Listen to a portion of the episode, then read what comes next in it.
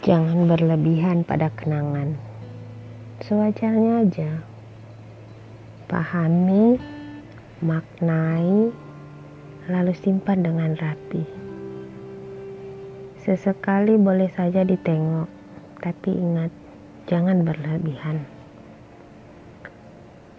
Syukur hari ini belajar dari rayap yang menghabiskan setumpuk buku yang pernah kupelajari selama tiga tahun.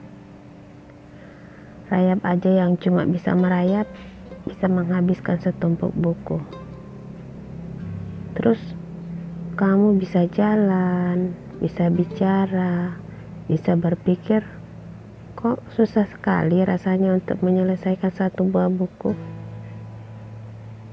Bagaimana sih? Katanya mau jadi pejuang peradaban.